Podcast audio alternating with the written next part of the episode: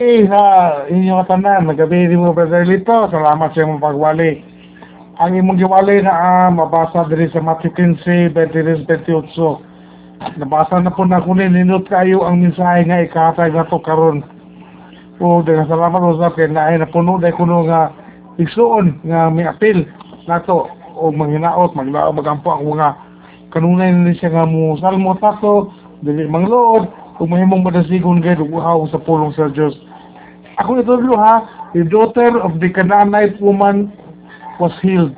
Kaning mong istorya, wali ni Badalito karon nagisugo ko rin bahin sa katong anak ng babae sa usa ka Canaanite woman. Nga ang inahan, midol, nga itong naginaw sisto, kaya nga muyo, na ayuwa in taon ako ang anak Lord, sumoni. Ang kahintang sa babae, mo kini siya ang tinuod nga simbolo sa usa ka makasasala. Muna siya simbolo kayo nato nga conscious kita. No, nasayad kita unsa ka gool atong mga kalag. Usa ka masulubo ng atong kahintang nga nagkinahanglan gayud kita o manluluwas. Muna nga muduol kita ni Ginoong Kristo. Ani ang paghangyo ni Ginoong Kristo nga naa sa versikulo 22 sa kuyang basahon, Ingon siya, Ginoo, anak ni David, kaluy in taon ako. Kaning iyang pag pagsulti ba nga, kaluy in taon ako. Muni siya ang proper prayer para sa usa ka tawo na naghinulsol. Simple na kayo, mubo. Kadang mapayusanon nga pagampo, puno sa pagtuo. Ah, mainiton gayod nga kaluy in taon ako. Dayon tarong nga pagapangayo pagaampo dayon mitahod gayud sa Ginoo.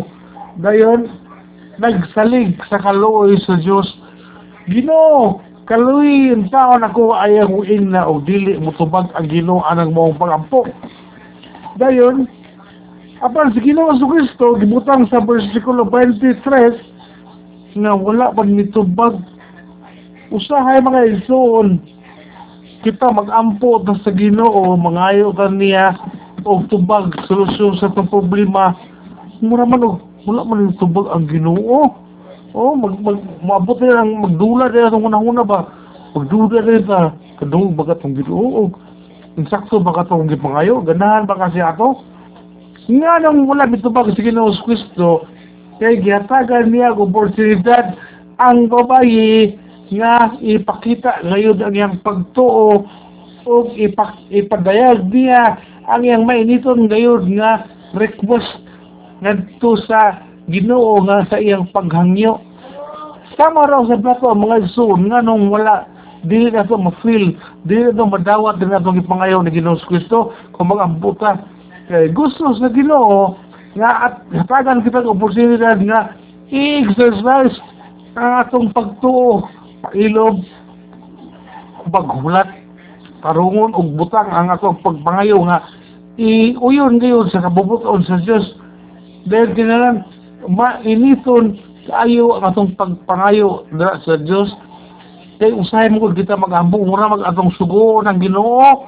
Di ta maulaw na sugoon na itong Ginoo. Unya ra ba katong murag kinahanglan matuman dayon.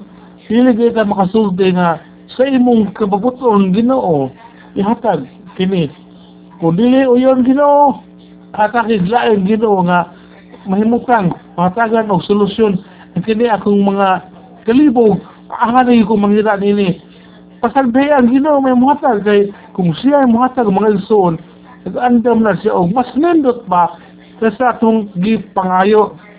Dinhi sa versikulo 24 kani kuyaw ni siya pagbasa na kung karon na ibutang sa komentaryo ba nga ang mga wala karon nga karniro ningon mo sige no sa Kristo sa 24 nga gipadala ako nga to lamang sa nawalang mga karniro sa nasod sa Israel.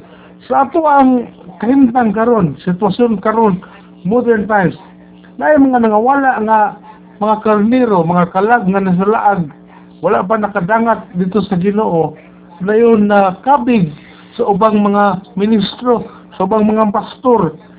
Dayon, ang uban po nga mga pastor nga nakakita nila iyang nakabig, maningkamot po siya sa tanan niyang paningkamot niyang paghahimo na katong gikabig o una sa pastor, iya po itong kabigon kaya iyang ipabalhin sa iyang simbahan.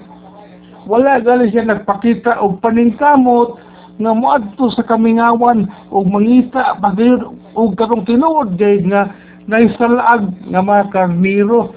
Iya man noong siya tawag na na iya man ang kabuon ang katong mga nangimurang nakabig sa usa ka pastor sa usa ka simbahan. Mura man og hayahay siya. Mura siya og naglingkod siya sa kahago sa uban nga nangilog lang siya. Imbis maadto sa ito muris out siya sa ubang katawhan aron iyang ipailela sa Ginoo dito manungong siya mag mamaso sa simbahan sa laing pastor para mailong niya.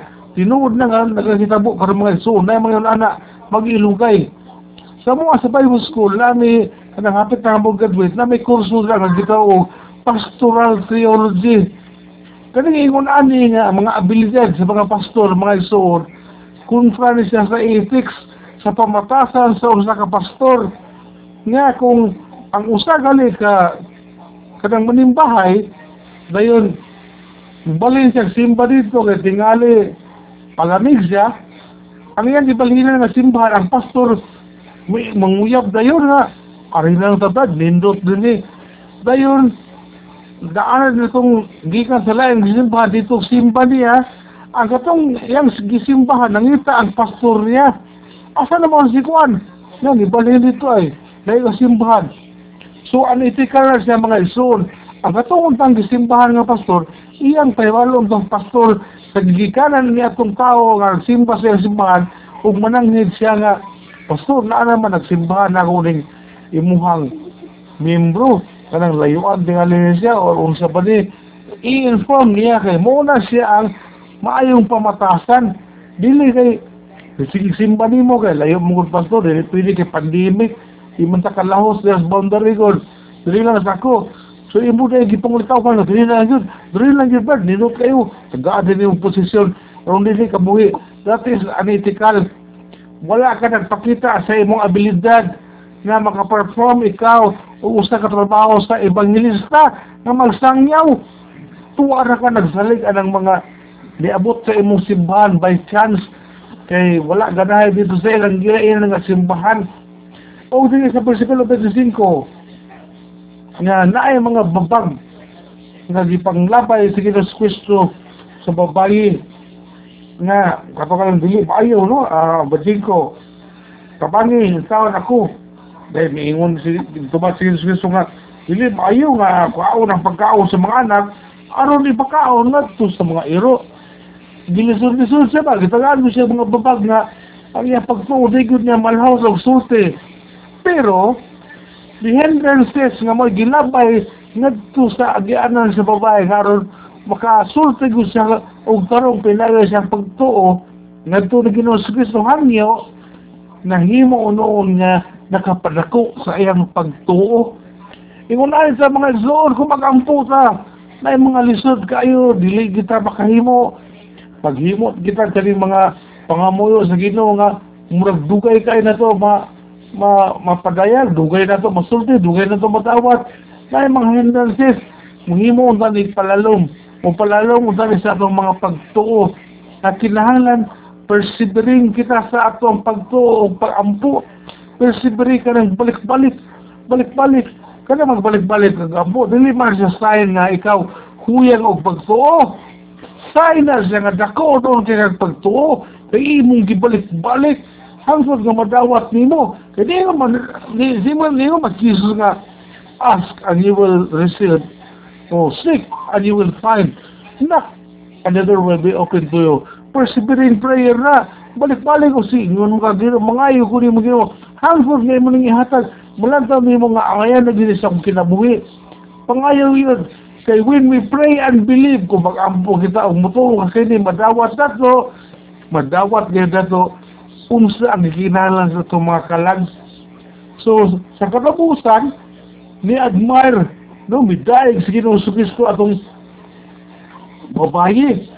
nga ningon gali nga babayi pagkadako sa imong pagsalig matuman ang imong giangyo pagkanindot mga igsoon ikaw may ingnan sa Ginoo pagkadako sa imong pagsalig anak matuman ang imong gibangayo ihatag na ko nimo pero mangayo ka katubong naging uyon sa kabubuton sa Dios nga nilipod nga doon doon padla ani akong gitayan Lord nga 897 Lord.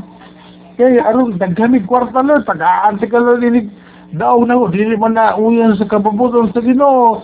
Mangayo ka sa pagampo ka sa Ginoo nga uyon gyud siya ang kabubuton angay na to awa awaton ang maong gihimo sa baway. Dayon aron maka ani kita og mga bunga og mga binta gikan sa Ginoo. Simple ra ka ito kaluyin taon ako ipamugos gayud bahalag day mga babag.